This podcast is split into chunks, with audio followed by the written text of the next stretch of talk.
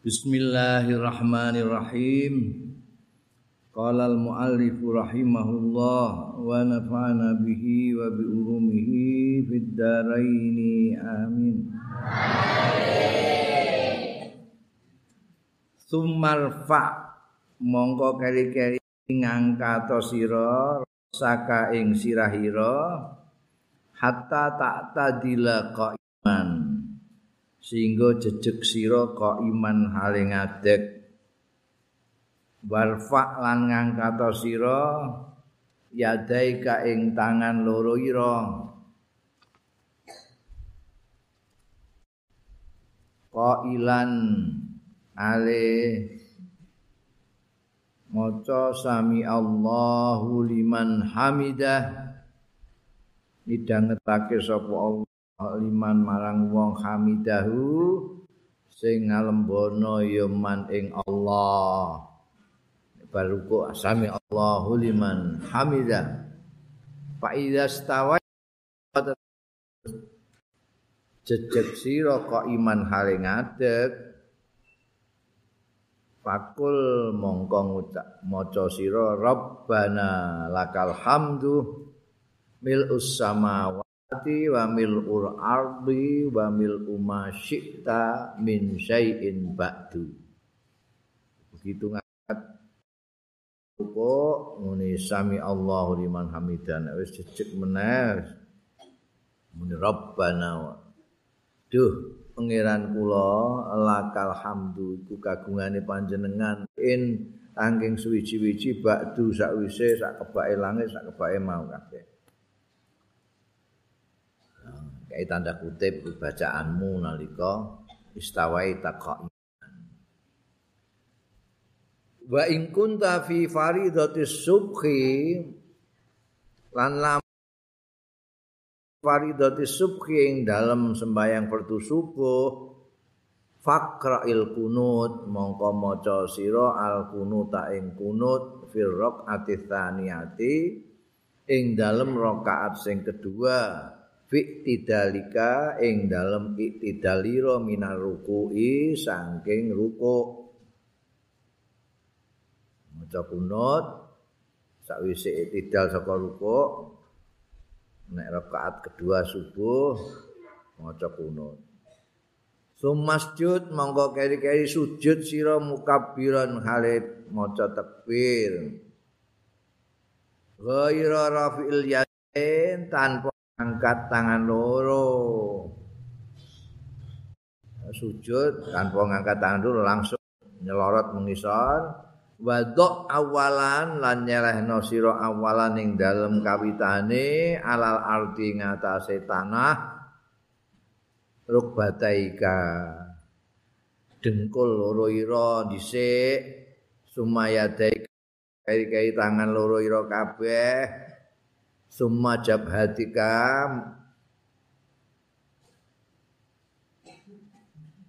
Rokbataika, summa yadaika, summa jabhataka. Mongko keri-keri batukmu maksufatan hale terbuka. Jono tutup. Bles-bles. Monggo batukmu gak batuk kudu kebuka. Wadok lan nyahno sira amfaka ing irung ura irung ira ma'al jabhati satane batuk. Batuk mbek irung kudu nemplek kabeh. Ya, mudun kok ruko iktida sujud iki sing pertama mbok templekno niku niku lagi ro rakyat aduk bisa merempul kowe. Ngono dun. Tapi benggang ini aja ini tapi aja metenteng ya aja ini pokoknya dibuka ngono aja metenteng. Wa akil lan ngangkat sira. Sajadah iku ngono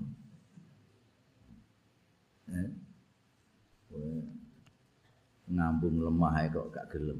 Engko ning kono kancani mbek lemah tok. Diinting-inting mbek lemah iki lho wong mlete ora karuan. Ngidoni nguyoi ngii kon ngambung ngono ae dilemeki kuwandele ra karuan.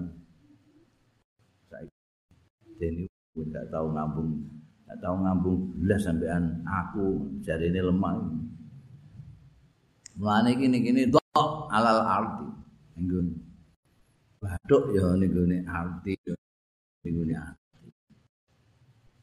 Eh. Berakrab-akrab dengan tanah ya. Mah kowe tak ambung ya. Ape karo aja mbok retak Hmm. Eh waduk yadaika lan nyelehno sira ing tangan loro ira alal ardi ing atase tanah hadwa mangkibai setentang seincer pundak loro ira. Balat tufaris utawa tafros lan aja. Apa kaya. Paras itu kaya penggaweane singa nek. Dadi kenane to ngono apa ngono? Ono ae kaya manane piye? Aja beber sira dira aika ing lengen loro ira alal ardi ngatate tanah. Ya sujud terus kaya macan kenane ditempelno kabeh iku aja kene ane mbok tempelno tanah pisan. Ini cukup tanganmu. Wa qul lan maca sira subhana rabbiyal a'la salasan. Maca subhana rabbiyal a'la salasan itu subhana rabbiyal a'la maha suci.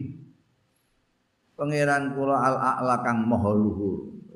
Sekaligus itu mengukuhkan kerendahanmu karena kamu meletakkan kepalamu yang paling dur, enggak usah badanmu yang paling tinggi ke bawah sambil mengucapkan subhana rabbiyal a'la untuk menegaskan ketinggiannya Allah taala. Win mengisor menunjukkan rendahmu dan ketinggiannya Allah subhana rabbiyal a'la ping telu salasan nambal kaping telu. Au sab'an utawa pitu au asron utawa sepuluh. Ing kunta lamun ana sira ana iku munfaridan dhewean nek kowe sembayang dhewean kowe arep telu pitu sepuluh terserah nek kowe dhewean tapi nek kowe ngimami aja akeh-akeh. Eh. Akeh makmume. Nek makmume tuwa ngono malah seneng kowe pirang suwi kuwi. Nek makmume nom kan berarti ngrasani kowe. Wangkune sujud semono suwene. Tak ngerti wong ngantuk apiye. Sujud keturun piye jake.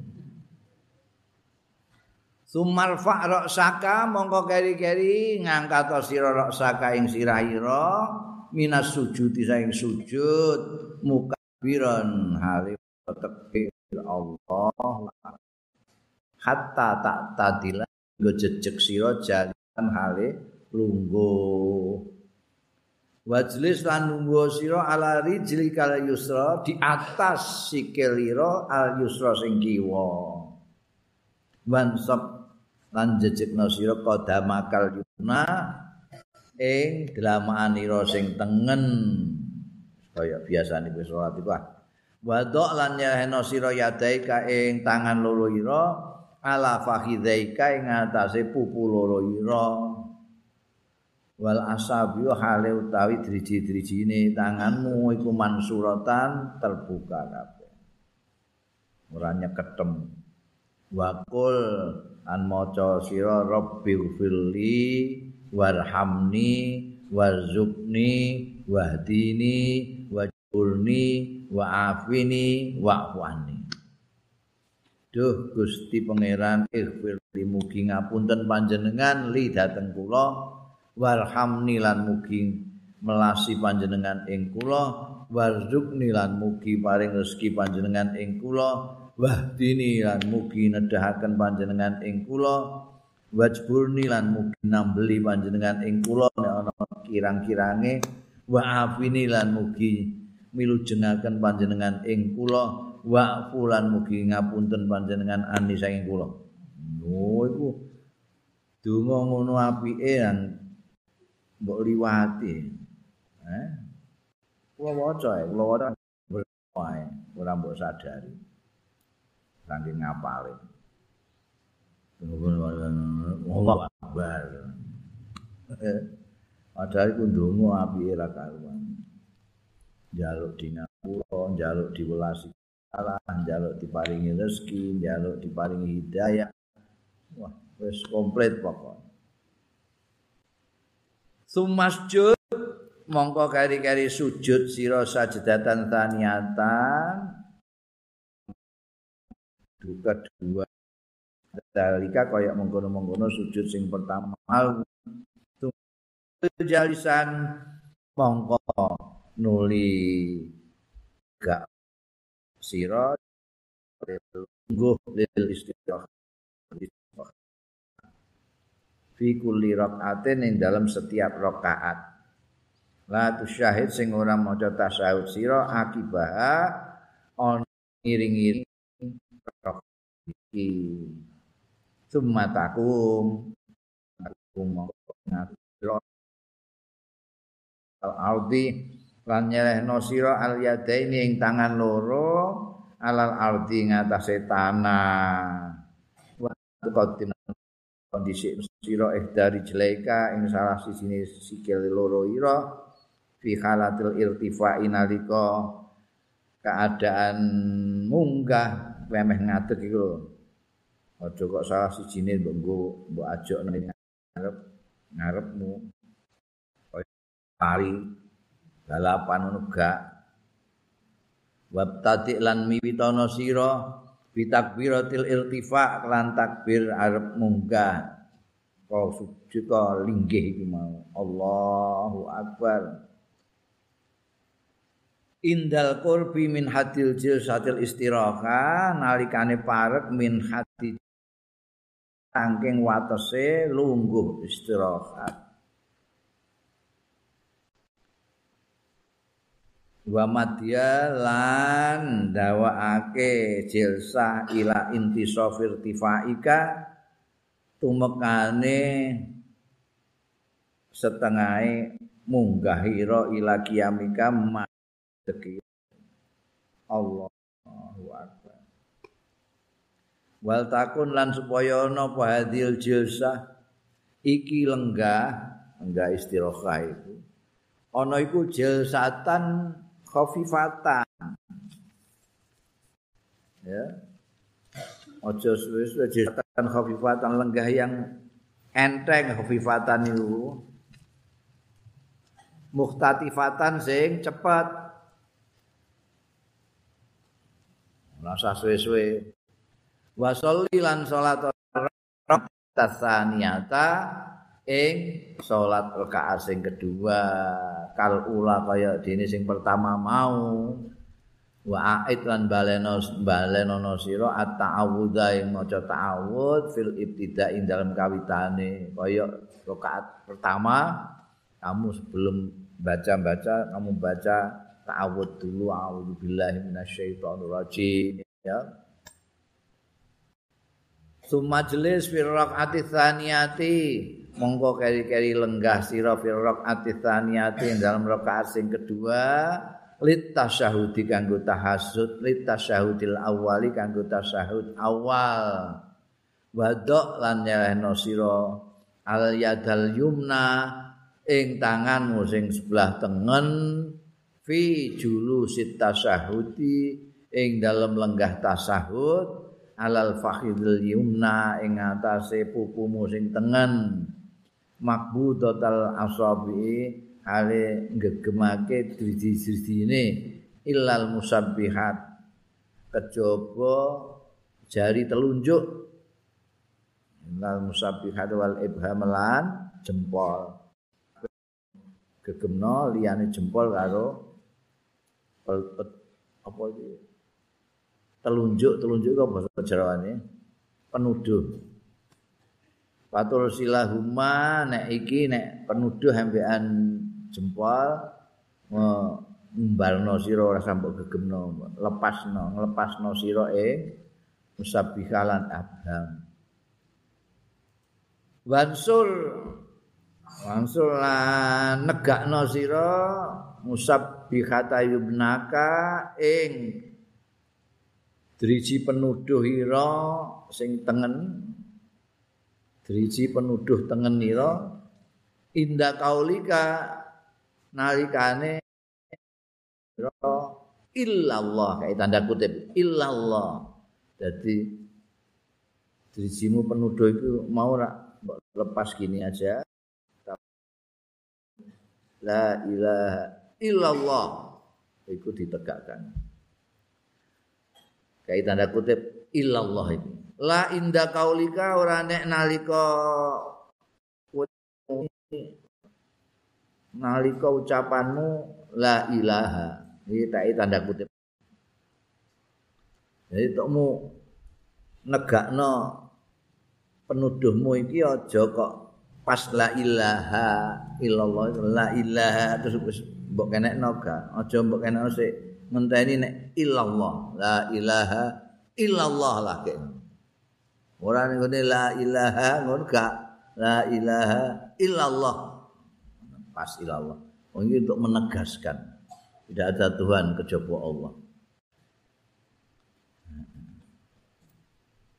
Wado al yadal wado lan yana sira al yadal yusra ing tangan musing kiwa mansuratan hale terbuka suratal asabi terbuka. Di al-fakhril yusra atase pupu sing kiwa.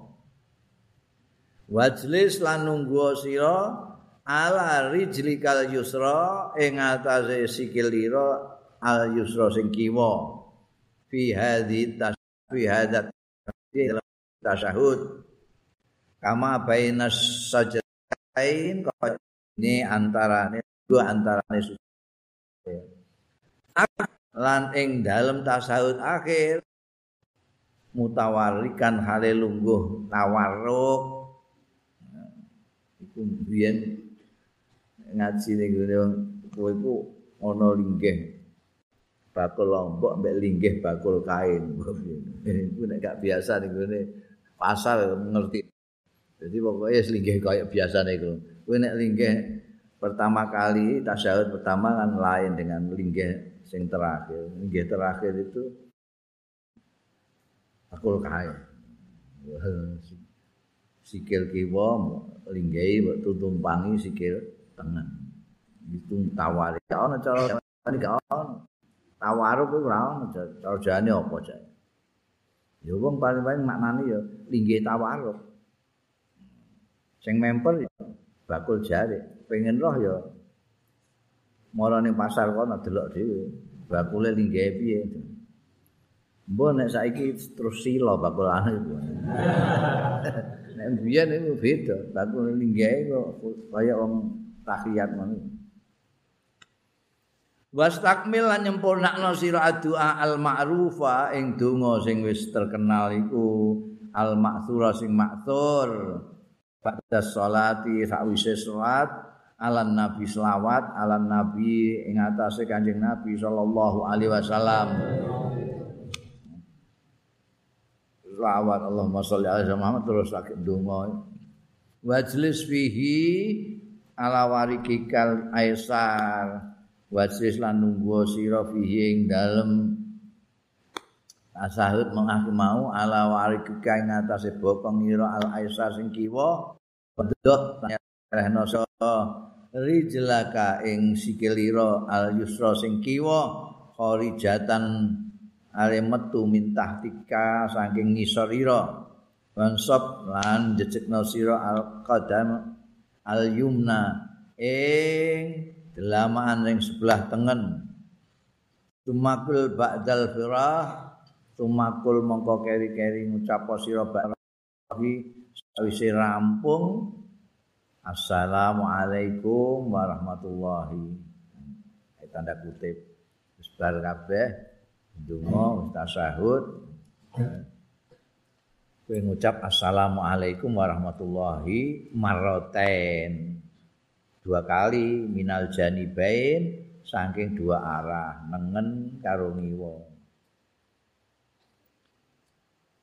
wal tafid lan mlengak sira bi haitsu yura lawan sekirane iso ditingali apa bayadu khaddaika putih-putihe pipimu.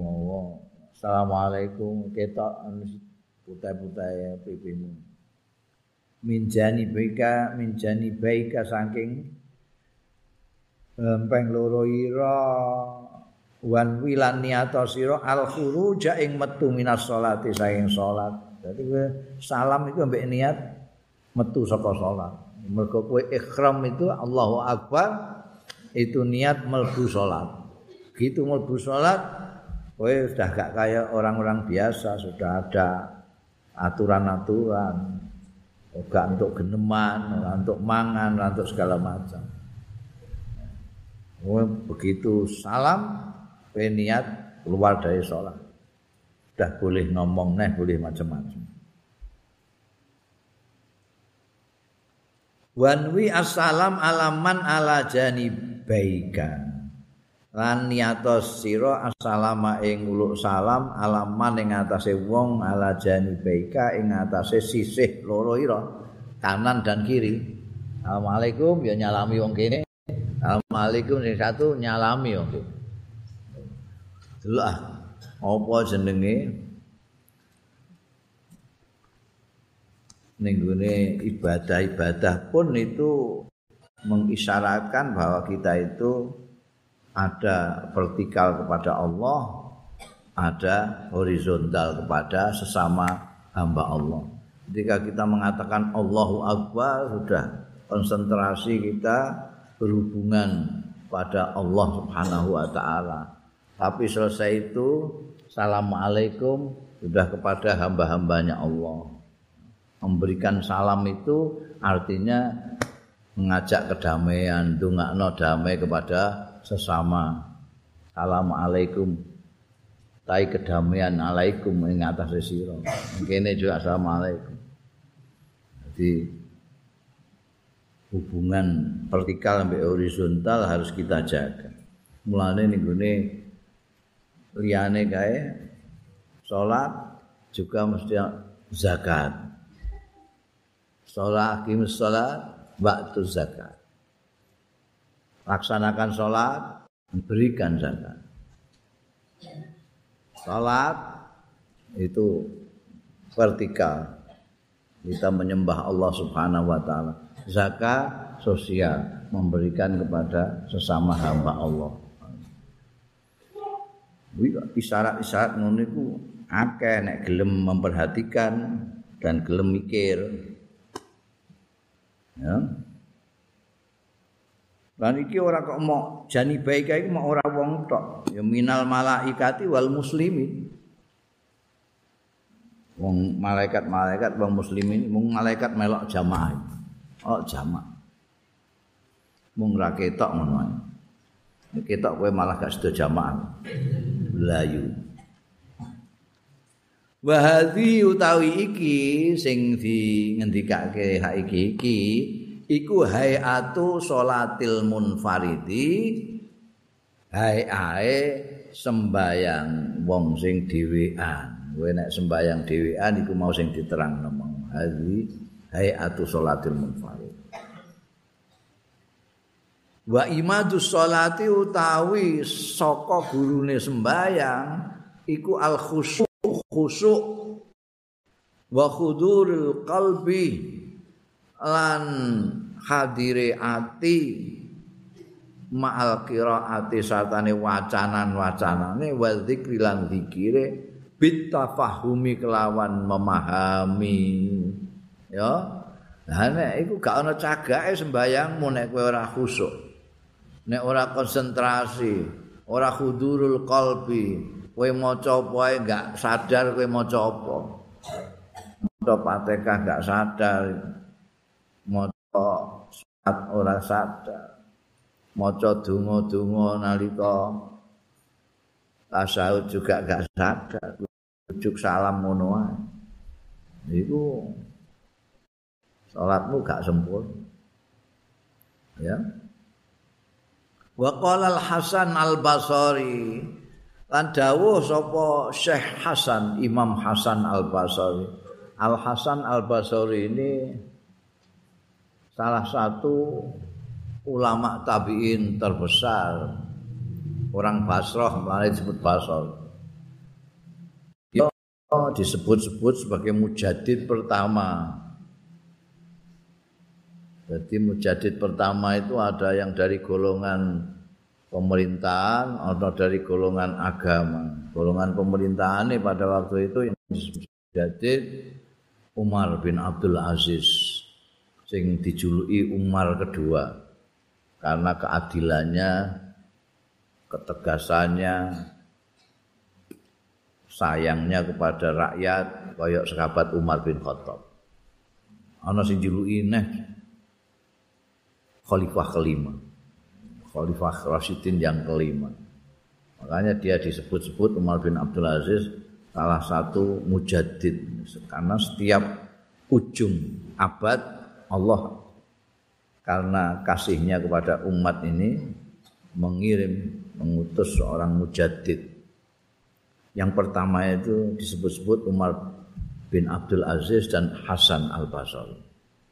Dan itu sosial banget.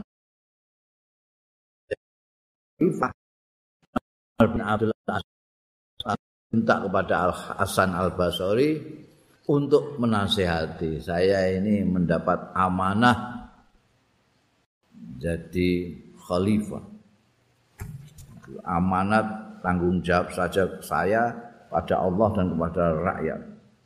Maka sampean nasihati saya. Saiki di dilatih terus nasihat kiai kira ya.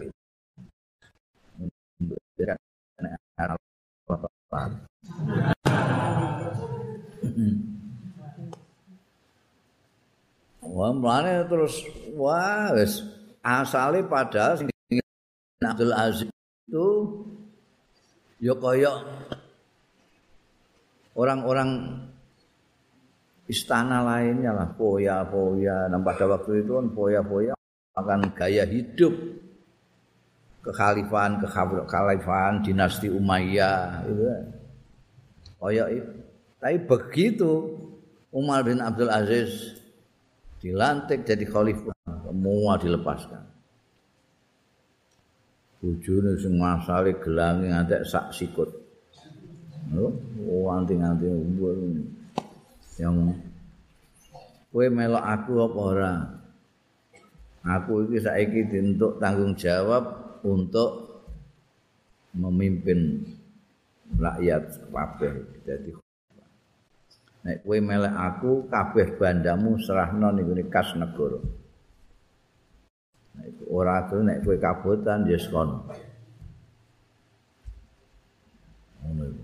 Lah iku garwane iku padahal anake raja, anake khalifah. Dulure pirang khalifah kabeh. Diomongi ngono mbek Umar bin Abdul Aziz langsung copot kabeh diserahno. Pokoknya aku melak sampean. Apapun yang terjadi. Nah, ini dinasihati kata Al Hasan Al Basri. Al Hasan Al Basri ini tokoh yang luar biasa bukan hanya ahli fikih tapi juga ahli ini juga sufi ketika wafat Hasan Al Basri semua orang Basrah yang kuat ngadet semat ngiring no jenazah kabeh. Cilik gede tuwek kan metu Hasan Al Basri. Orang tokoh. Nah, mulane saiki ana akeh sing jenenge Kesan Basari. Kesan Basari iku tafaulan bean beliau ini Al Hasan Al Basri.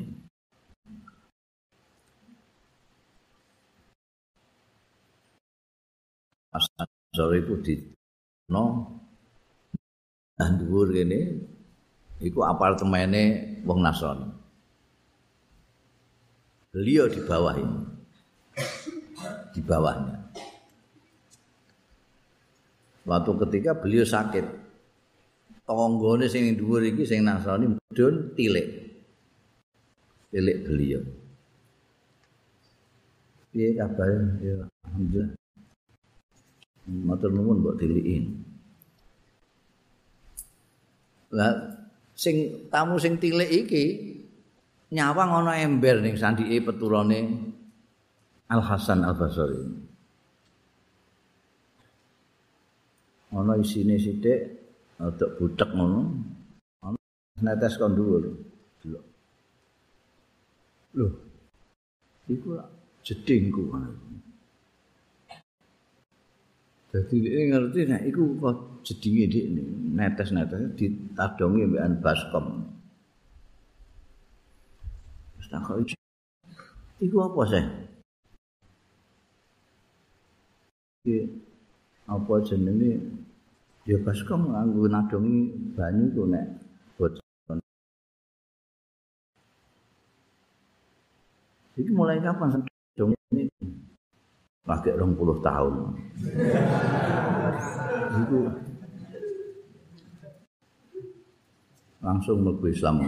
Itu wong wong tangga kok kaya ora komplain ora ngamuk. Mesti tadu aja itu kan mono uyo segala macam tangga itu Al Hasan Al Basri jadi bukan hanya ngalim tapi perilakunya juga itu ngidap-ngidap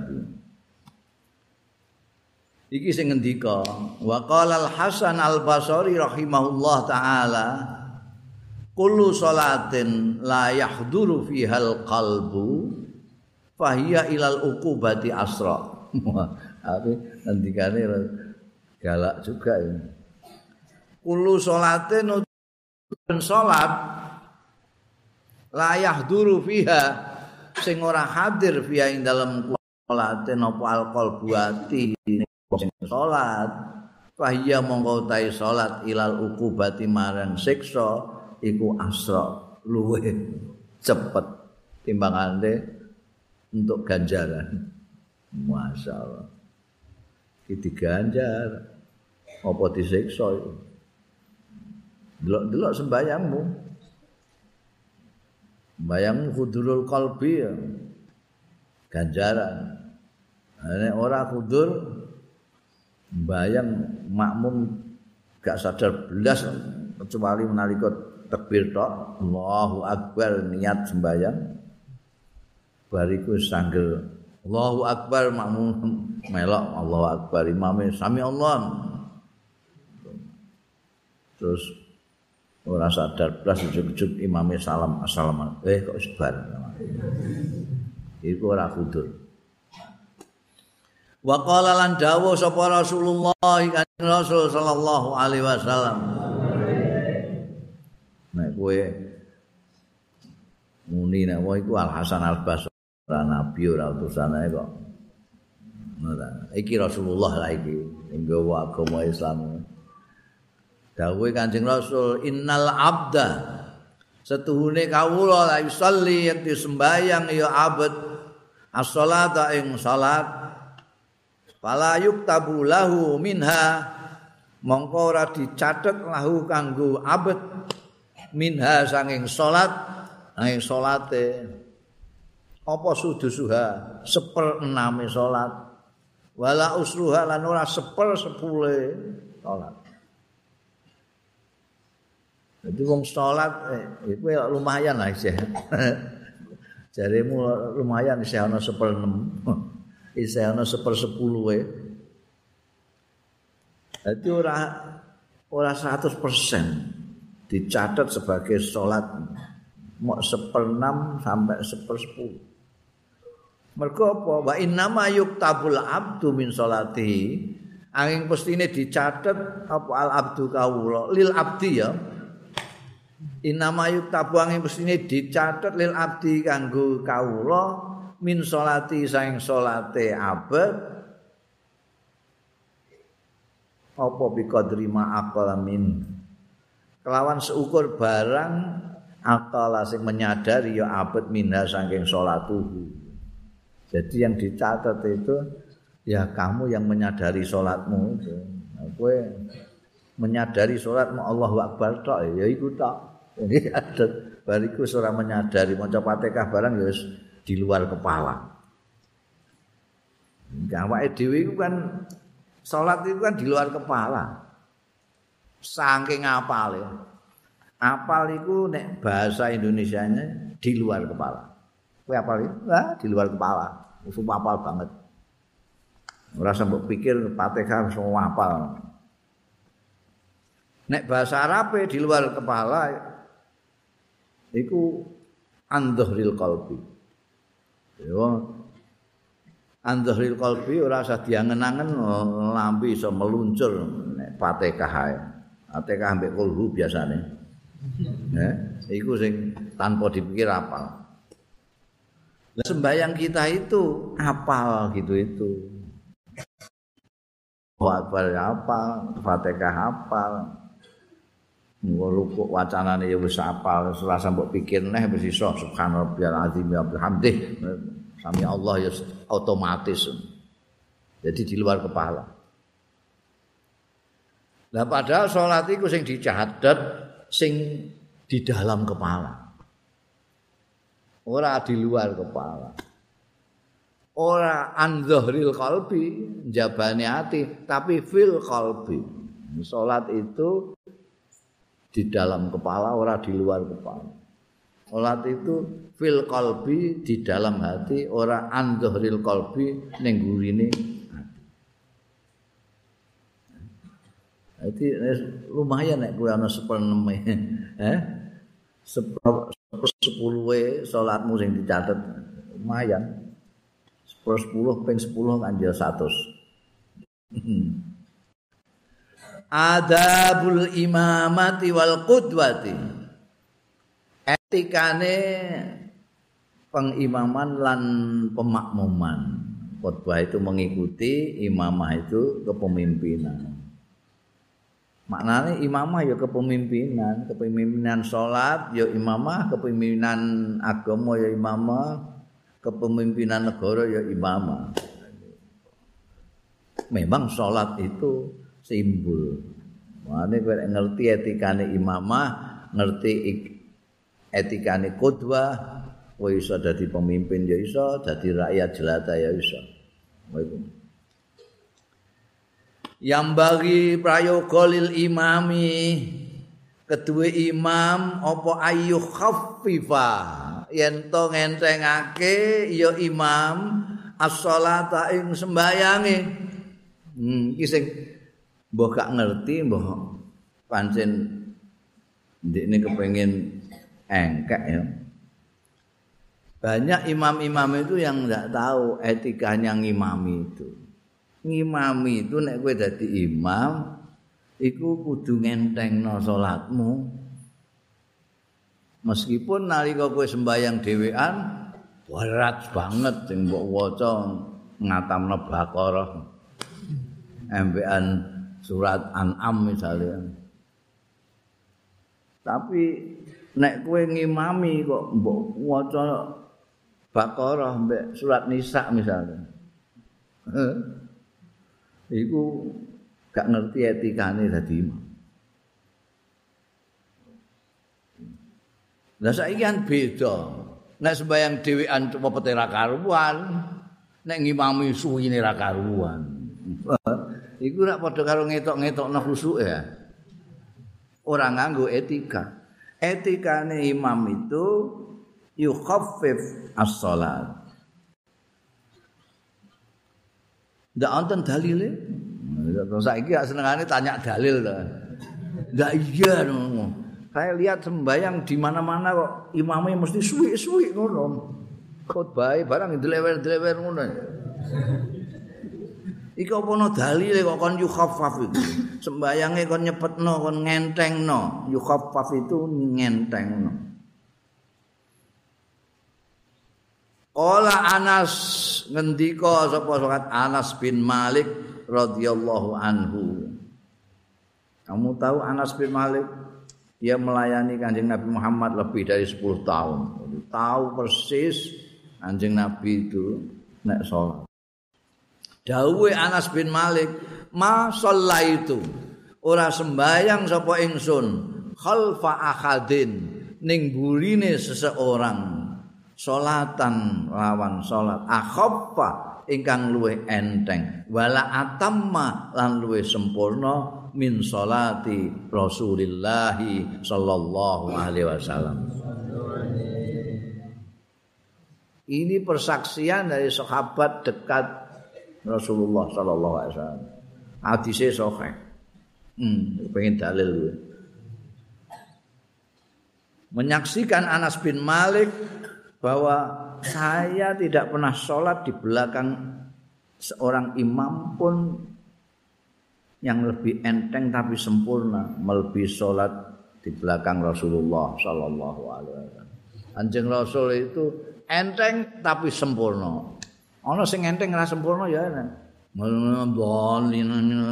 Yasin Allahu Akbar. Allah. Jerundul-jerundul. Allah Allah Allahu Akbar. Durung ngantek iktidale durung jejeg wis langsung Allahu Akbar. Eh, sing tuwa-tuwa lara kabeh gegere ya Allah. Eh. Iki kok ngungkuli numpak bis malam ini. Bayang imame sempurna, kanjeng Nabi sempurna, bacaannya sempurna, anunya sempurna, tapi tidak lama-lama. Apa khafif akal. Kowe nek dadi imam ya ngono. Nek kepengin salat dhewe, kowe terserah.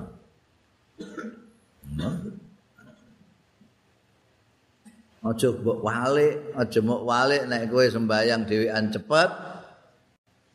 Nek ayam mbek wong suwine ra karuan wah sujute ora ndangak-ndangak ngantek wong keturun makmume ngate keturun ya Allah. Tahiyate yo suwi ra salam-salam. Ngono iku. Imam ngono iku berarti orang ngaji bidayatul hidayah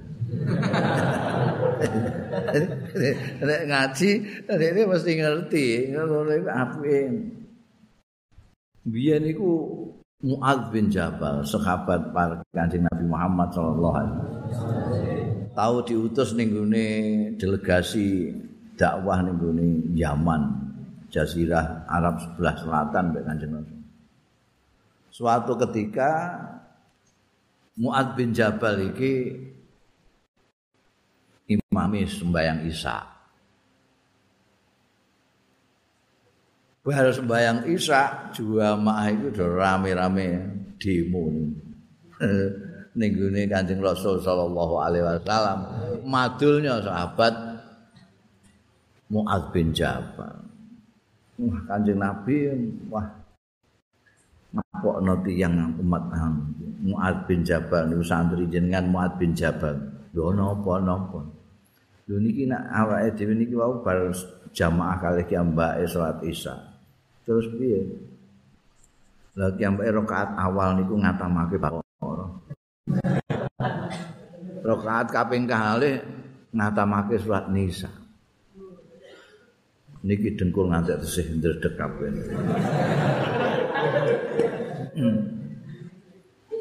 Oh, kanjeng Nabi pemimpin bijaksana ya. Mengadakan cek and recheck nah itu saya. Timbali Muad bin Jabal, apa bener Muad bin mau bar investigasi ya, apa cara ini apa? Investigasi. Bener bar ngimami surat Isya, nggih kan ya. Bener rakaat awal kowe ngatamno Baqarah. Rakaat kedua An-Nisa, nggih kanjeng Nabi. Lagek didukan. Berarti emeh dilem apa piye ngono malah juga lho kowe iya aja gawe fitnah. Kowe iku sembayang ditutno wong akeh ana sing tuwa ana sing enom. Ana sing ditunggoni penggawean ditunggu penggawean bareng. Lah nek kowe sembayang dhewean, meh ngatamno Quran kurang percaya. Silahkan. Tapi nek kowe ditutno wong akeh ya kowe kudu karepmu dhewe, sengen. Ya, iku ora kok anggur dawa mesti apik juga. Kadang-kadang kan awake dhewe kan oleh duwi-duwi mesti mau apik iki. Seneng Gusti Allah mesti. La ilaha illallah. Kok ngerti nek Gusti Allah seneng barang iku. Angger niru Kanjeng Nabi ya agak ketok seneng ora itu nek kowe ngikuti Kanjeng Nabi. Kanjeng Nabi.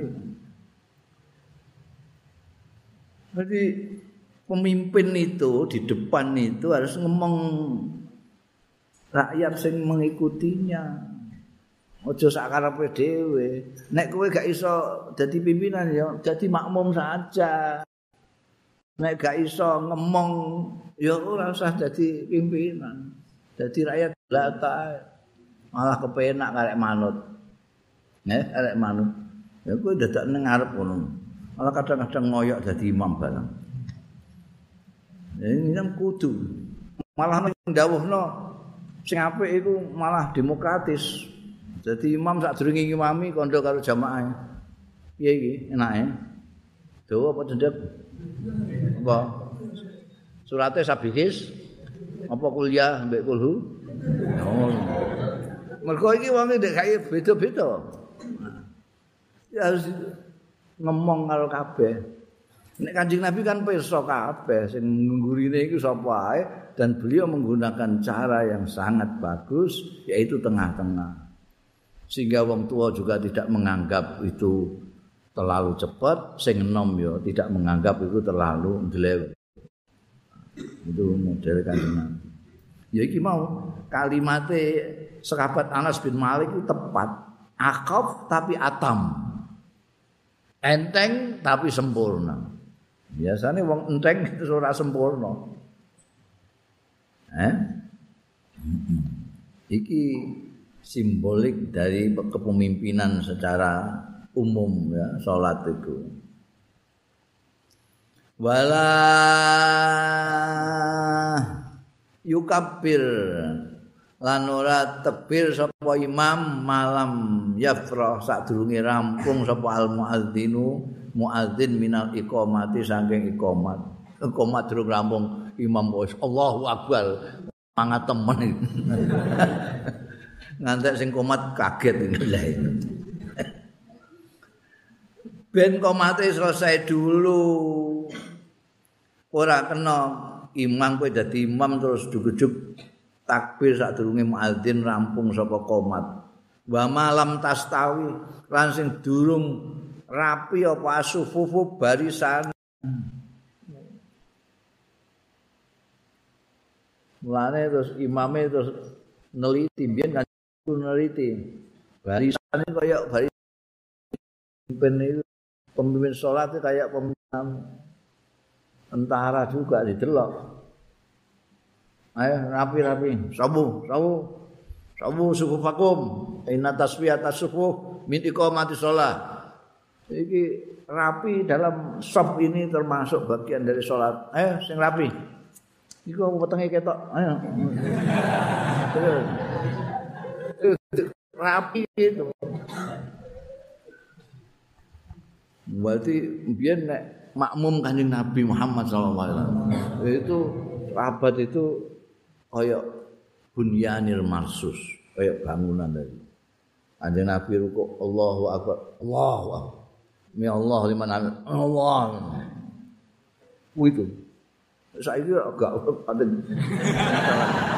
wis di wis diabani sawu sufu vakum wis digarisi ngisore barang dhuwur kadang-kadang dikai tali. Kok isih plencah plenco ngono ya? Mergo atine ora iso isih plencah plenco itu hati itu mencerminkan apa? Amaliyahnya ini hati gak iso padu. Gak iso padu. Tercerai berai. Ya kaya kehidupane wong Islam saiki iku ya ana sing rono, ana sing rene. Polone sing kono kono duwe ulama dhewe, kene duwe ulama dhewe. Ana duwe pemimpin dhewe, kene duwe pemimpin dhewe gak jelas. Pokok sembayang rapi kaya zaman Kanjeng Nabi iso. Dikongkon ambek imame delok imame sapa sih. Imame balaku ta ora? Balaku ya wis ngono iku. ngaleh masjid. Eh, gak gak gak cocok ngaleh masjid. Golek imam sing cocok. Nek gak ana sing cocok masjid-masjid kabeh ya ora salat.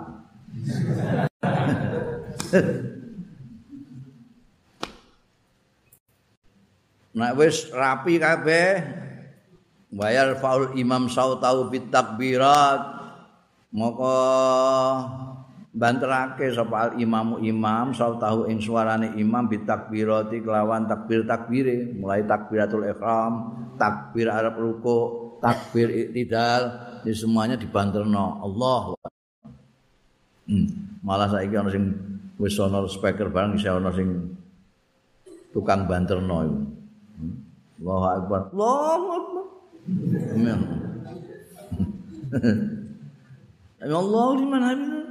Rabbana walakal hamd. Eh kowe kuwatir nek gak krungu ngono lho. Padahal ya si mami tok wis bantene ngono wis nganggo speaker bareng kok isih di dawakno. Penyambung suara ya, penyambung lidah. Jadi lan nek makmume piye wala yarfa'lan wala yarfa'lan ora banterno sapa al makmum makmum sapa tau ing suarane makmum illa bi qadri ma yusmi'u nafsa. Kejaba seukur barang yusmi'u sing ngrungokno ya awak dhewe makmum. Sakku. Ini wis krungu suarane dhewe gak makmum cukup. Ora usah melok banter-banter, ora nyai imam. Wayan wil imam lan niat sapa imam al imamata ing imam jadi kowe nek dadi imam ya niat imam supaya liyana al fadla supaya kowe mekoleh keutamaane ngimami keutamaane jamaah. Fa idza lam nek ora niat imamah. Faidha lam yanwi mengkola menura niat imam sapa imam ya sohat salatul kaum sahwae sembayange kaum sing makmum iku idza nawa al iktida tatkalane padha niat ya kaum al iktida ing makmum bi kelawan imam makmume kan makmum mandillahi taala niat makmum. Wa nalulan mekoleh ya kaum fadlal qudwati ing keutamaane makmum keutamaane mengikuti undel bayu sirrulan nglirihake nek mau banterake saiki nglirihake sapa imam. Bidua il istiftahi kelawan donga istiftah. Ini wajah tu jalilladzi fataras samawati wa al banter-banter. Iku lon-lon wa ta'awudz lan ta'awud. A'udzu billahi minasyaiton. Allah kalmun fariti kaya dene wong sembayang dhewe ngono. Senajan kowe sembayang jamaah imam ya kaya wong sembayang dhewean nek istiftah kalau ta'awud lon. Baru waya daruran banterno sapa imam bil Fatihah. Bismillahirrahmanirrahim. A'udzu billahi aja banter-banter. Malah nek ning gone Mekah kono bismillah barang lon. Dadi ora kaya-kaya ora maca bismillah. Gini melok-melok. Mangsane Mekah iku mesti paling Mangsane ora nganggo bismillah, mereka nganggo bismillah, tapi ora nyuwara. Kene bangsane ora nganggo bismillah blas. Banterno Fatihah was surah. Was suratilan surat. Surate apa? Fi jami'is subhi ing dalam sekabehane salat subuh. Salat subuh kan mok loro. Dadi sekabehane iku sekabehane ate subuh kowe maca Fatihah mbek surate banter. Posabihi mbek Wa ulat lan rakaat loro pertamane maghrib bal isya ilan isya. Maghrib mergo telu, rakaat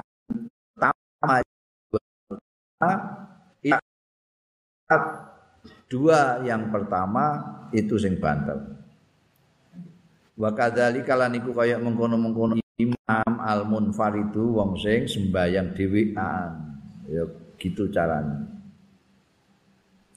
Waya jarulan banterake apa imam bikaulihi amin fil jahriyati dalam sembahyang sing bangsa banter iku mau subuh maghrib isya.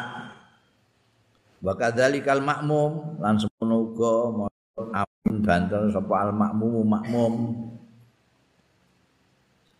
heeh. Wa yukrinu lan barengake sapa al makmum takminahu. Amine la takminah amine makmum bitinil imam kelawan anggone maca amine imam. Iso pas-pasno aja mbok ngenteni amine imam. Amin lagi kowe muni amin tapi bareng nom baladolin imam itu langsung amin kowe makmum ya langsung amin bareng. La takiban lahu ora nek ngiring-iringi lahu maring takmine imam.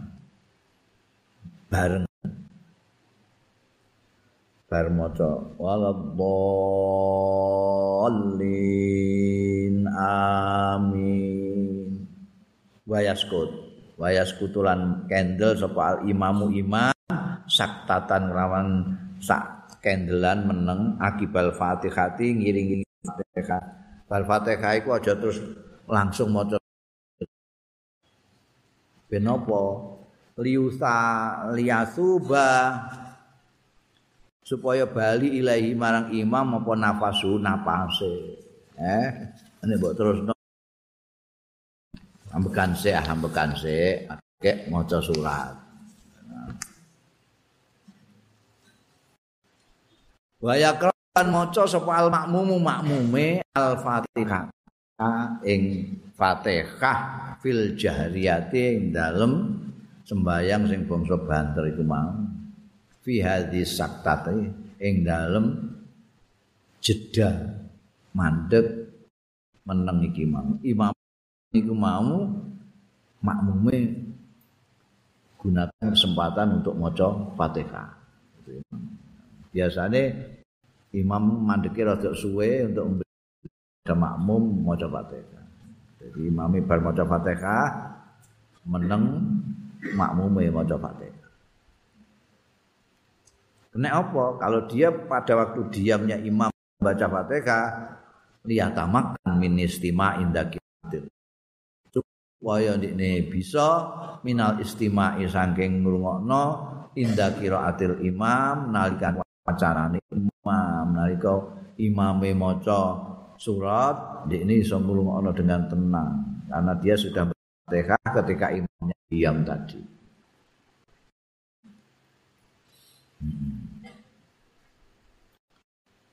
Wala yaqra'ul makmum as-surata fil jahriyah. Lan ora usah maca sapa al makmum as-surata ing surat.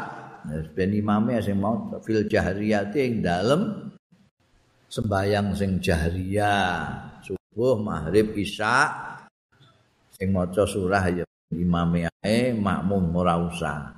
Illa idza lam yasma kejaba tatkalane ora krungu sapa makmum sautal imami ing suarane imam imam gak krungu apa spekere rusak sak Nek ya biasa makmum ora krungu suarane imam mergo adoh. Nah itu biasanya krungu terus. Lah nek ora krungu ya dene maca surat dhewe. Wala yazidu lan ora kena nambahi sapa al imamu imam ala salasin ing atas telu fi tasbihatir ruku'i ing dalem tasbih tasbih rukuk wa sujud lan sujud. Nah andani kok sing dimaknani enteng mau iku.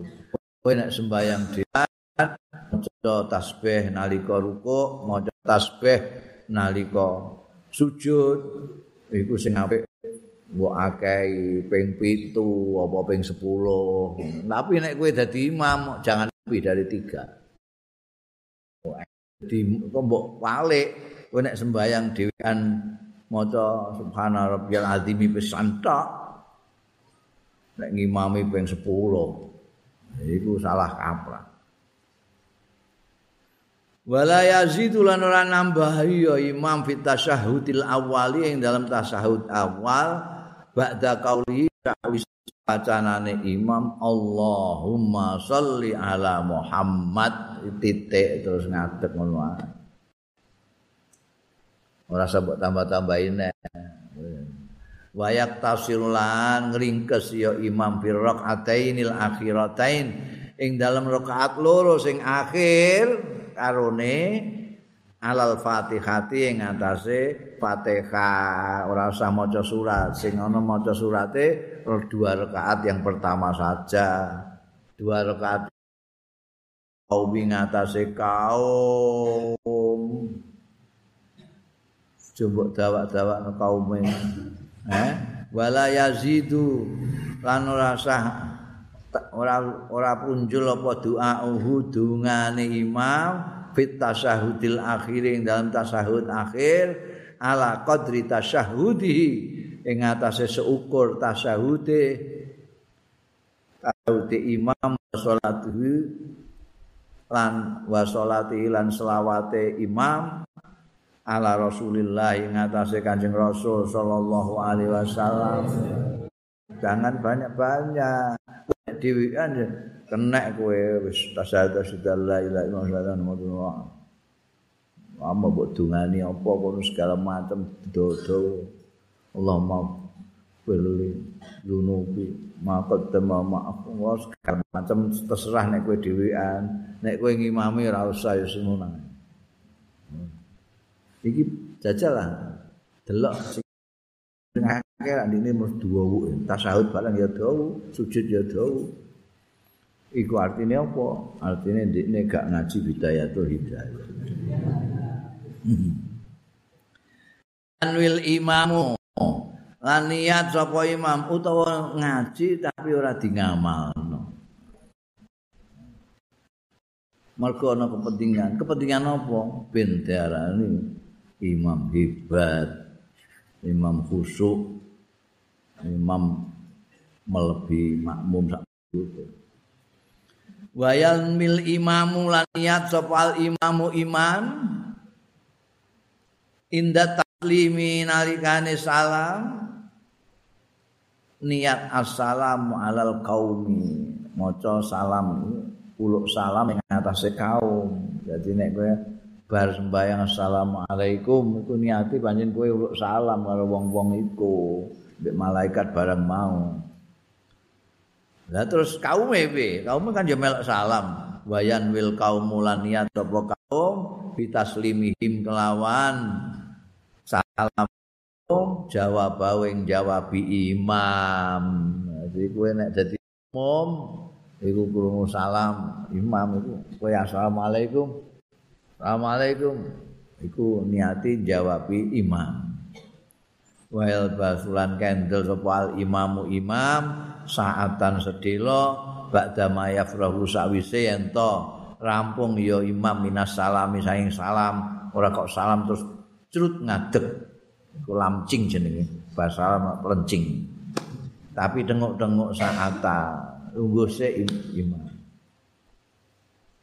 Waya balu alan nas lan madhep sapa imam alan nas ing atase wong-wong sing makmum mau madhep biwajihi kelawan raine imam. Wala yaltafit lan ora noleh ora kok noleh ngene tapi madhep Pak. Wala yaltafit lan ora noleh sapa imam ing kana khalfa lamun ana iku ing burine imam apa nisaun wong wedok-wedok? Wong wedok-wedok melok jamaah sih oleh sik kowe ngono. Lian sarif lian lian sarifan hmm?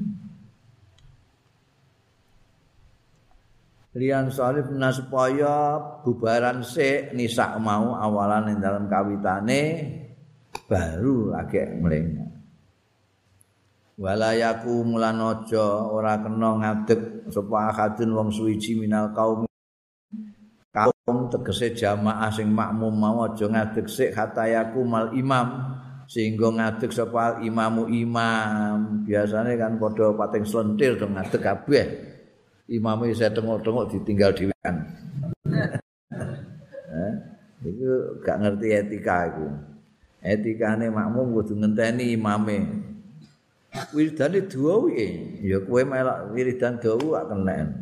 Nah wayan sarifu mulane imam itu iku mau dikandakne kudu iso ngemom makmume. Wiridan juga aja dawa-dawa. Ben makmume iki yo sing ditunggu penggawean barang iku ora kesusu ngono. Ini pating suntir itu kadang-kadang ya ora salah makmume kadang-kadang salah imame barang. Ngopo ae sing diwaca itu pirang-pirang.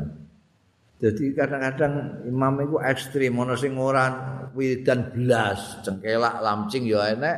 Sing kadung wiridan wiridane gak bar-bar iku enek. Ora gelem tengah-tengah. Tengah-tengah kan enak.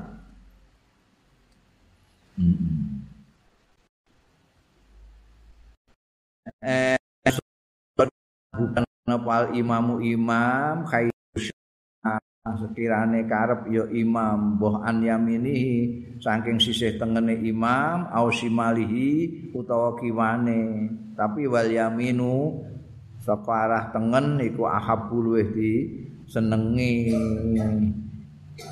ilaya marang ingsun. Cari Imam Ghazali senajan imam iku mengadeke no ya kena eh berangkat mulai ke bas bayang tuh. Terus menyatir rono ya kena rene ya kena. Tapi nek Imam Ghazali lebih seneng nek nengen. Tayun eh, eh wala ya khusul nabu bidu'a lan aja iki ya eh, wala ya khusul lan aja netokno apa al imamu imam nafsahu ing awak dhewe imam bidu'a kelawan donga. Fi kunutis subhi dalem kunut subuh misale. Oh, Allahumma dini fiman hadai maafini fiman afai iku ndongakno awake dhewe tok iku piye? Eh? Embien Allah ya ham Kiai Khalil ana sing donga ngono gak gelem ngamini. Moh ndongakno awake dhewe aku ngamini. Jadi nek kowe ngimami kunute ya Allahumma hdina ya aja mahdini. Mergo kabeh makmummu dadi katut kabeh. Allahumma hdina iman hadai wa afina kabeh. Wa jalan banterno ya imam bi kelawan donga kunute iki. Wa yu aminulan ngamini sapa kaum kaum. Wala yarfa'u wala yarfa'una aidiyahu. Lan aja banter aja ngangkat sapa makmum kaum aidiyahum ing tangan-tangane. Kaum. Piye Imam Ghazali? Islam yathbut jalanan ora tetep. Apa dalika mengkono-mengkono ngangkat tangan fil akhbari ing dalam pira-pira khabar? Ana kabar sing sokeh. Eh di Ghazali doif malah. Sing sing saka iku malah ngangkat nek kowe apa jenenge donga diangkat tangane. Ya usah ngangkat cek orang ngangkat terserah kowe lah. Oh, kok ngono Melok Imam Ghazali ya kena, melok liyane Imam Ghazali ya kena. Tapi sing apa sing sahih sing tak ro iku ya sing ngangkat iku. Imam Ghazali kadang-kadang nganggo sing dhaif iki. Hmm. Gaweane Imam Ghazali pirang-pirang, karangane pirang-pirang padana para kowe nganggur. Oh, ngajimu kitab sitok ini kitab pirang-pirang. Liwatan sithik ya ora apa-apa.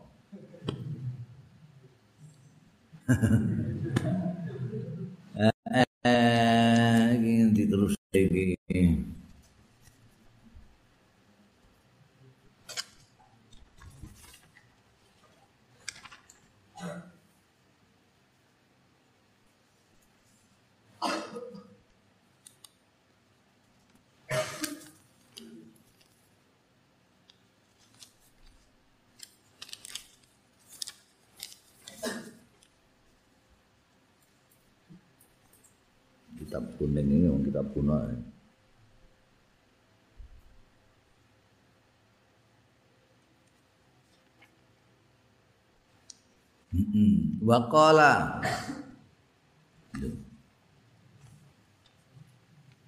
Ini nomor seket noro Pak terus seket.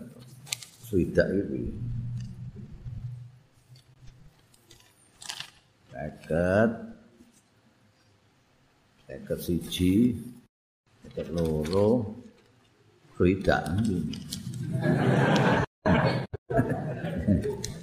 iki seket telu. Ya Allah wa yaqraul makmum lan maca sapa al makmum makmum baqiyatal kunut ye sekerene kunut fi kaulihi ing dalem acanane. Imam innaka taqdi wala yuqba alai. Allahumma hdina fi man hadait wa afina fi man afait. Wa barik lana wa qina syarra ma qadait innaka taqdi mum malak mosto amilan mereka sing mau kan apa jenenge donga mau kan donga Allah mahdina fi hadait wa afina fi man afait itu donga kabeh. Nah iki kan pernyataan. Innaka sak temai panjenengan Gusti utak dimutusi wala yubdo alaika boten diputusi apa alaika panjenengan. Nah iki makmum melok muni. Ke imame biasanya terus meneng lon-lon.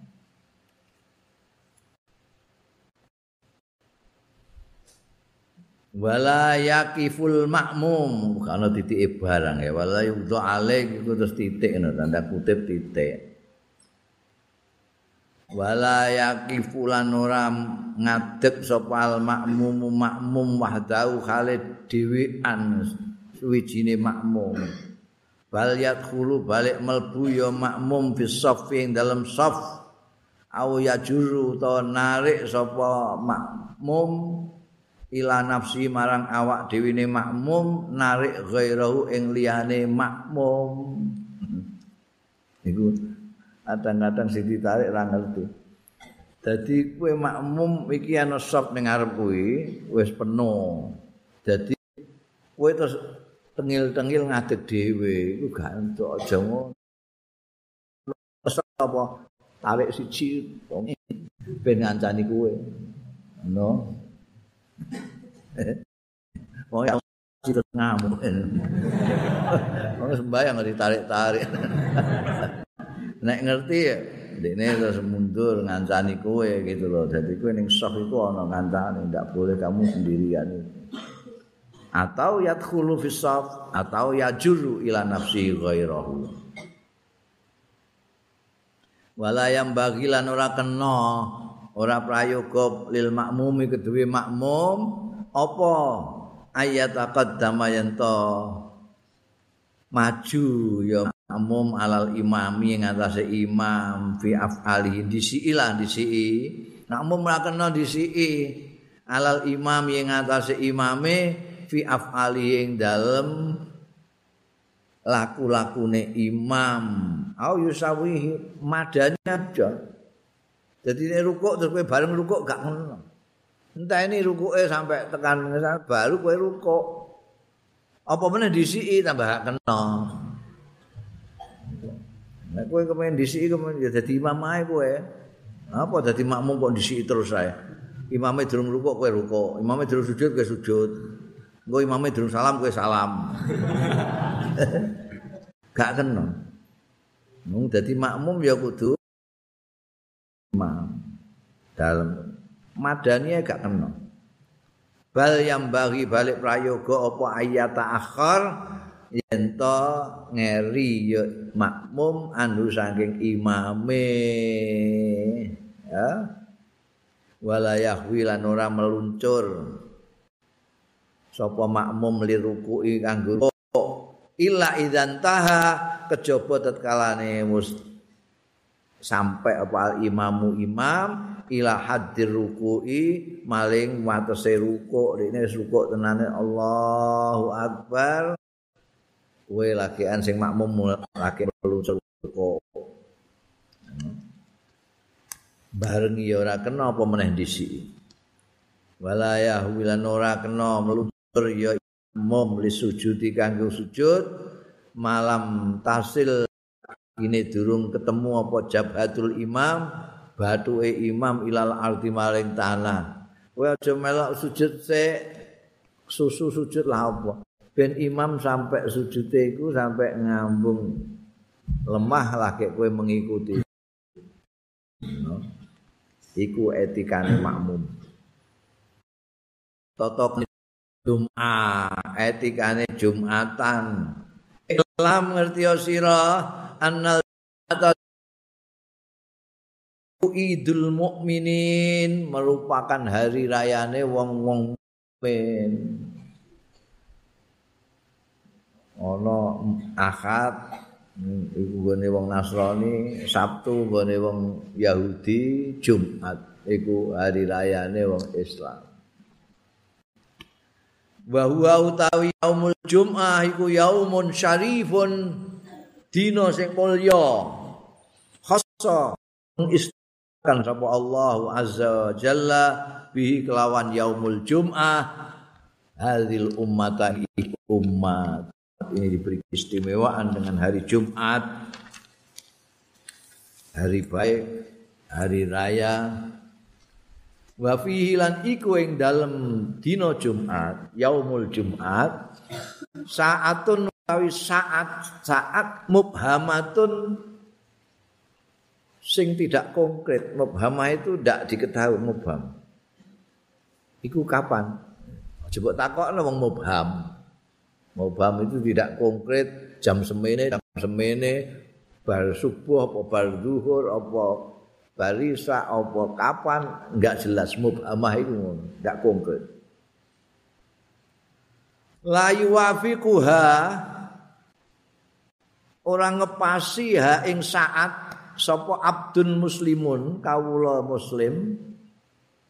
Yasalu sing nyuwun ya abdun Allah taala ing Gusti Allah taala fiha ing dalem saah. Hajat ing hajat ila atahu kejaba paring sapa Allah hu ing mus abdun mus iya ing iya hajate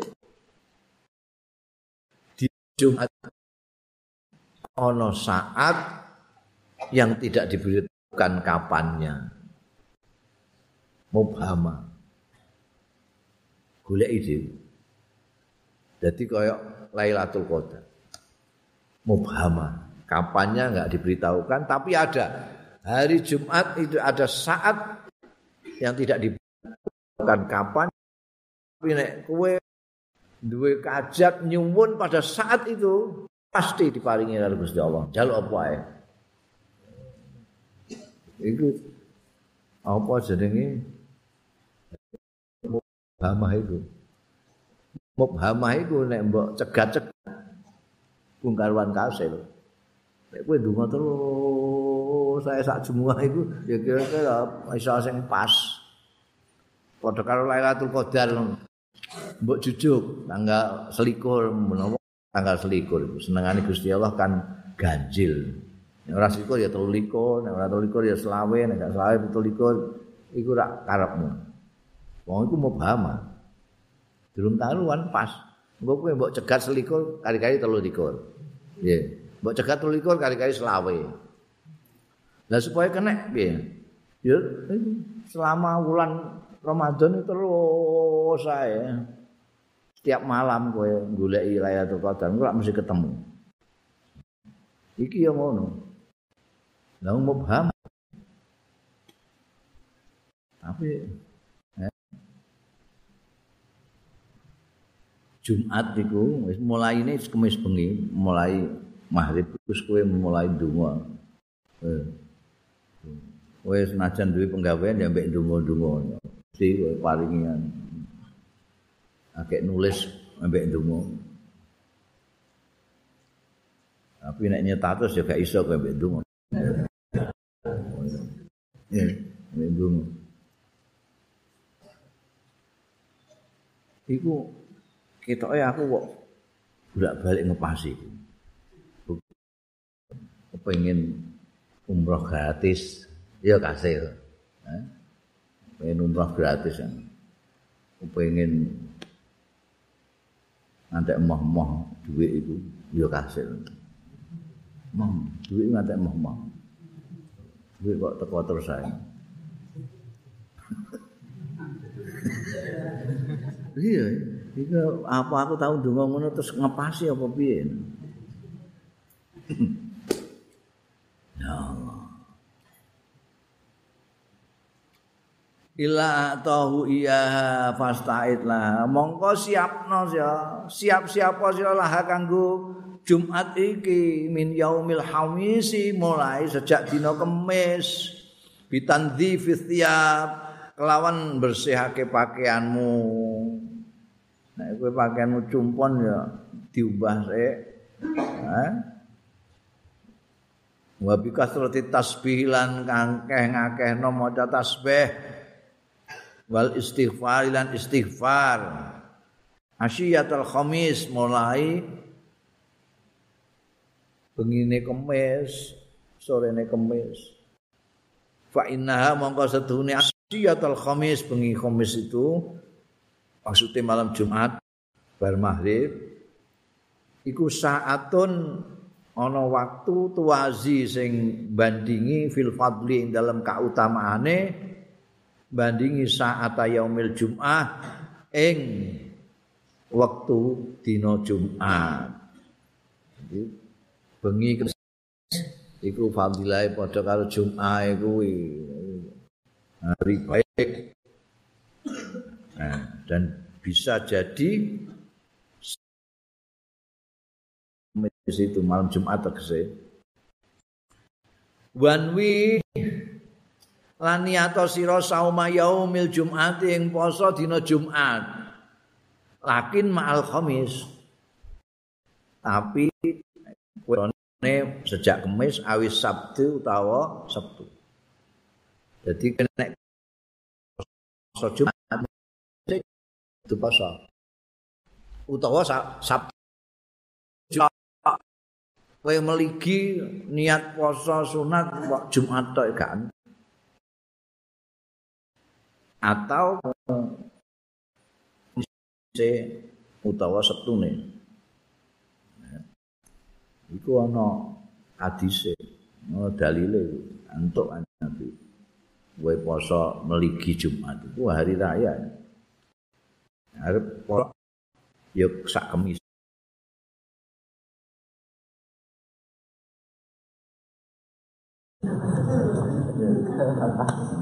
Maka abu siap ilallah ta'ala. Wastakmil gunakna sira minat tibi saking mewangen gunakna atiyaba ma indaka ingkang luweh harum harume minyak indaka mungguwe kowe duwe minyak apa? Golek sing paling dhewe. Eh? hmm. kowe duwe minyak apa? Jajan ganti apa minyak kembang mati telepon ikan ono aku macam-macam aku macam-macam ono parfum itu parfum lanang parfum sore parfum esok ono kabeh.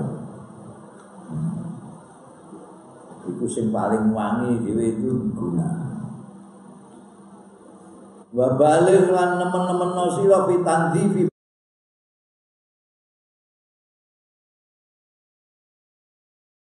ta'il anwa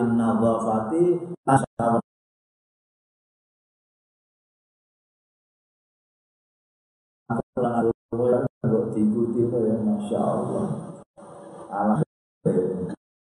Daya budaya yang ini Islam itu ada perjumpaan-perjumpaan umum.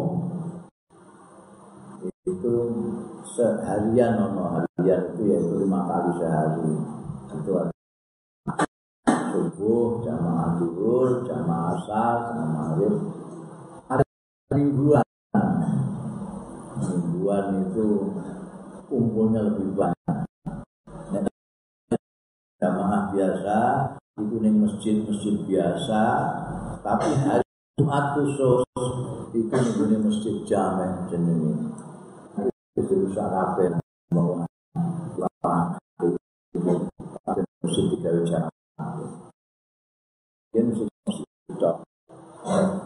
terus gak cocok ambil imam gawe masjid di ini saya ini ngono jadi masjid paling pelecet tapi dulu jumatan. Jadi tujuan dia masjid itu pirang-pirang.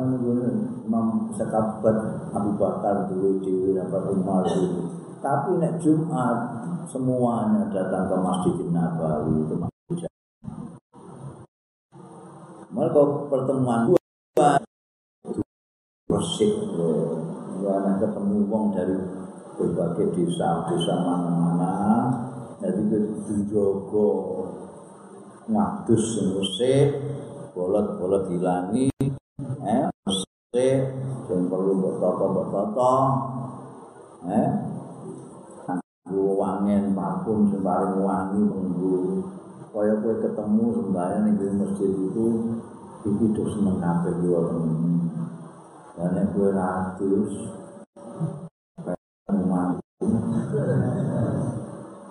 pola sikatan Allah Akbar. Orang kabeh kan. Ora iso khusuk mergo mampu kecut mampuan gak karuan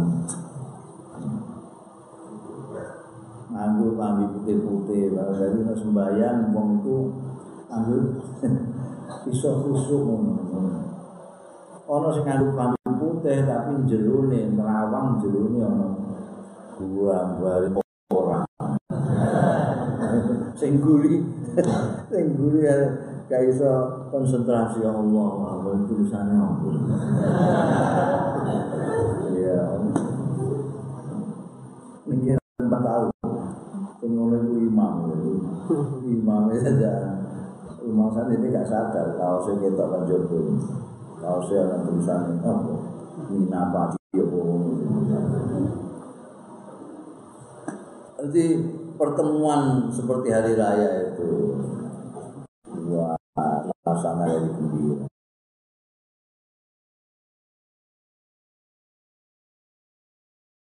Kan mau tolong kan. Wong Lembang di Jakarta biasanya lah Jumatan, alasannya musafir. Kalau itu malah diperlokno. Masjid jamaah ditinggal moron Jakarta kalau membayar munas.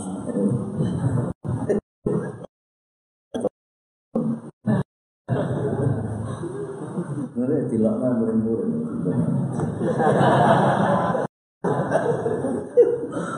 Ini kalau kita apa ya? Kemudian ini kita mendidik gak itu mantan itu jangan biar mulai di sana jangan ya biar zaman akhir itu apa kiamat harus keliwat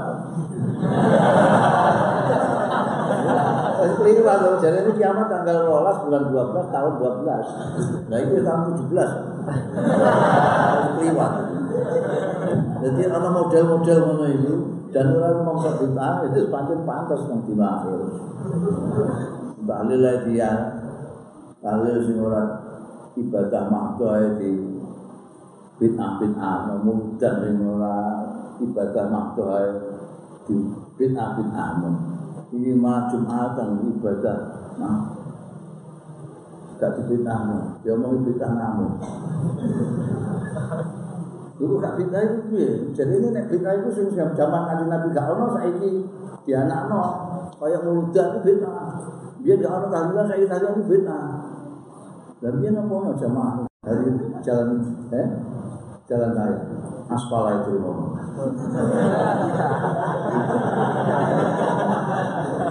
Lalu gak aku muni ngono muni bat muni bid'ah besar. Gak ada sing gak ada sing bantah. Sing ngono Ono sing apa wah sok arep bantah aku. Ini Gus, ada jembatan pasang gambar pasukan Turki. Pasukan Turki eh zaman apa? Sultan Al-Fatih itu sembahyang ratan ini wah Jumatan ngatan. Oh ini malah pamer ini. Lah wong perang kok Jumatan iki piye? Ansitu asmau. Ditembaki musuh model. Itu insaf nih gue Kalau ya, Jumatan nih, ini kok Jumatan, ya ilah ilah. Ini mesti gak tahu ngaji. Lha ngerti ngaji, ini gue perang kok ono sembayange dhewe, sembayange dhewe ono jenenge salatul khauf. Kalau Jumatan ini perang, ditembaki musuh lho model. Apa meneh nek Jumatane model kene ya. Ndlewer ngono iku. Terus jamaah akeh sing turu. Ditembaki ngono ae.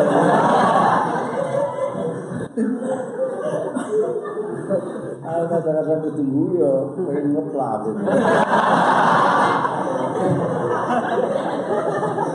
Lha ngono ya sing mel aku.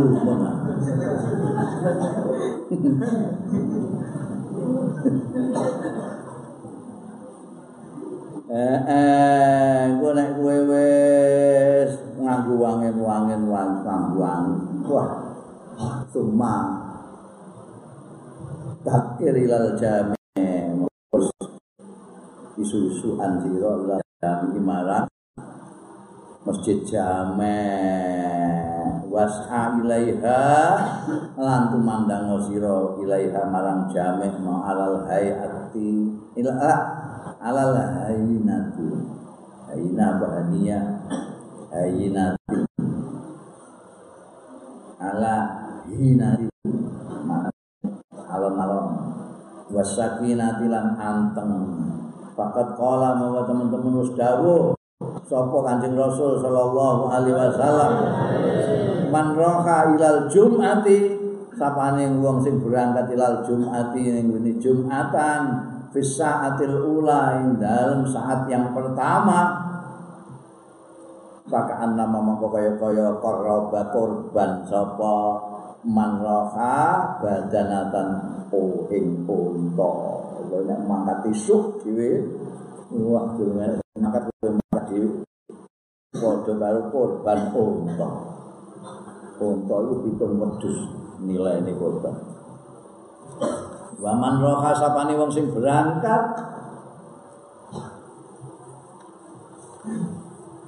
Bisaati tsaniyati ing dalam saat yang kedua Pakaan nama mongko kaya-kaya setuhune koroba Pakaan nama koroba kaya-kaya korban sapa man roha bakaratan ing sapi. Kan biasa sapi. Semua yang kedua sapi. Waman roha sapani wong berangkat di saat tali ing dalam saat sing ketiga maka annama qarraba mongko kaya-kaya korban sapa man kapsan akron ing domba sing bertanduk akron Waman roha sapane wong sing berangkat yaman fi saati rabi'ah. Ing dalam saat yang keempat fa'aka nama qarraba mongko kaya-kaya. Korban sapa wong bujajatan ing pitik. Korban pitik. Tidak tidak Nah, gue kapan berangkat saat keberapa itu? Waman roha sapane wong sing berangkat fi saatil khamisah ing dalam saat sing kelima pakan nama korba kaya kaya korban sapa wong bidotan ing ndok siji. Wong sing ndok ndok Pak Ida kharajal imam mongko tetkalane wis metu sapa imam imam. Tuyat mongko dilempit apa asubuhu lembaran catatan iki mungkin nek sak durunge imam metu catat ini bulan-bulan bulan saat pertama unta ini bulan saat kedua sapi. Sampai kelima. Ini tekan dulu di lima ndok. Nek wis bali ku terus dilempet wis ora ana tulisane baru fi atil aklam yang diangkat apa? Al aklamu pena-penanya sudah kolamnya. Gue tetap sak biseno yang kelima ya wis ora ana catatan. Ora ana ndok apa jenenge? Hmm. dan terakhir itu ndok yang ke enam itu wis sama catatan. Ndok cecek kayak Buat setamaat lan kumpul al malaikat tu para malaikat indal mimbari ana sandinge mimbar ya sami unal dzikr padha midhangari ya malaikat al dzikra ing dzikir. Wis imam wis keluar malaikat kumpul mimbar wis ora ana catatan wa yuqulun nasa fi qurbi. Ana sing ngendikane wa yuqulu lan ngendikake apa anan nasa sedune manusa. Fi qurbihim ing dalem parke manusa indan nadhari nalikane nyawang ila wajhillah marang wajah Gusti Allah taala. Engko ning ing atase seukur isuim nas wong-wong lal Jumat marang Jumat nek tekamu ning saat pertama mau isu banget. Ben cedak banget gue nyawang Gusti Allah. Suma ida dakhalta al jami monggo tekane wis mlebu kowe al jami'a ing masjid jami. Fatlub ngomong boleh sira as-safal awal ing saf pertama. Nah kowe bagian saatul awal ya iso saf awal nah kowe tekane ing saat kelima ya iso fa idza tam'an nas monggo tekane kowe teko ning masjid fa idza Wa idza istama'a monggo tekalane wis kumpul apa anasu wong-wong. Pala tata khatta rikabahu moko aja nglompati sira rikabahu ing gulu-gulune wong mbok penyak-penyak gulune wong. Iki nek ning kene arang-arang ngono. Tapi nek ning ngene Arab oleh muka itu akeh gundul gangen. Wong Arab itu kae lagi. Guru diloncat-loncat. Padahal gak boleh Nabi. Wala tatakhara riqabau. Wala tamuru lan aja ngliwat sira, aja lewat sira iki sing akeh sing nglakoni ngene iki, ora ngaji. Wala tamuru aja ngliwati sira baina aidihim ana ing ngarepe jamaah. Nas. Wong ngarepe iso. Wa hum hadal Fatihah sawise Fatihah. Maca al-ikhlasa ing surat ikhlas khamsi nama roh seka maratan itu itu yang bener kafil. Jadi sembahyang patang rakaat sunat setiap rakaat maca fatihah ambean surat ikhlas pun jadi patang rakaat itu 200 surat ikhlas.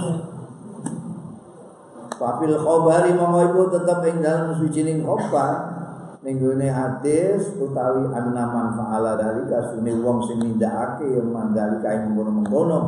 Salat patang rakaat atau fatihah lan surat seket setiap rakaatnya.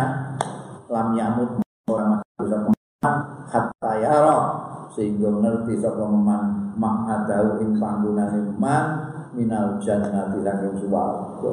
Oh jadi sumber memang terus mengakai mergo balesane kaya ngene. Jadi tak durunge mati kowe roh. Oh panggonan kuwi swarga kono. Au yura lahu to diweruhake ya mang adalu lahu marang man. Wala tatruk lan aja tinggal sira at-tahiyata ing salat tahiyatul masjid, aja tinggal salat tahiyatul masjid wa ing kana imam yahtub senajan ana sapa al imam imam ana iku lagi khutbah tapi nek imam khutbah tahiyat ya aja dawa-dawa singkat saja lah ora usah maca sabikis barang apa Suatu dua atau mau coba mau coba Terus pakai kata ngono. Cepet imam wis khutbah. Wa minas sunnati lan iku termasuk kesunahan antakro autayen to maca sira fi arba rakaatin nek kowe gak gelem seket iki orang pilihan lain eh pilihan lain. Serah kowe apa maca 50 surat ikhlas apa iki antakro fi arba rakaatin Al-An'am tapi tapi wa toha lan surat toha wa yasin dan surat yasin. Eh dari patang rakaat rakaat pertama an'am rakaat kedua kafi rakaat ketiga toha rakaat ya yasin Wah, mungkin kiat Pak Ilham takdir lemah kelamun ora mampu sih lah. Ya pas suratul Yasin, rakaat pertama Yasin. Ini pilihan ana pilihan ketiga itu. Pas suratul Yasin, rakaat kedua wa dukhon, wa dukhon. Nomor anu rakaat ketiga alif lam mim sajdah. Nomor papat suratul mulk. Karena aku nanti keempat Jadi itu Kayak milih Wala tatu wala kada wala tata lan aja tinggal sira-sira hadis suat maca iki surat-surat fi lailatul jumat ing dalem benine Jumat. Surat Yasin Tuhan lan saja surat muluk itu. Fafia mongko iku ing dalem. Hadis suat fadlun kathirun utawi keutamaan sing gedhe sing akeh. Wah, kula mboten kiat pun mboten kiat. Wa malam yuksin dalika sapane sing ora iso ya dalika ing ngono mau ya kowe ketawa guyu. Fal yuksir mongko ngekeh-ngekehno ya man mingkira ati suratil ikhlasi saking maca surat ikhlas. Nek kowe ra gelem maca iku eh, surat-surat itu, surat muluk, surat kahfi, surat yasin, ini malam semua itu, ya, surat ikhlas saya sing akeh, gampang itu saya apal. Wa aksil lan kenya-kenya sira minas sholati saking selawat ala Rasulillah ing atase Kanjeng Rasul sallallahu alaihi wasallam fi hadzal yaumi dalam iki dina khosatan khususe. Senajan kowe selawat ning hari-hari biasa biasa selawat tapi khusus minggu di dina Jumat ini perbanyaklah pada selawat. Selawat apa wa mahma kharajal imamu. Lan semong-semong metu sapa imamu imam. Faktok. Wa mahma kharaja wallahu a'lam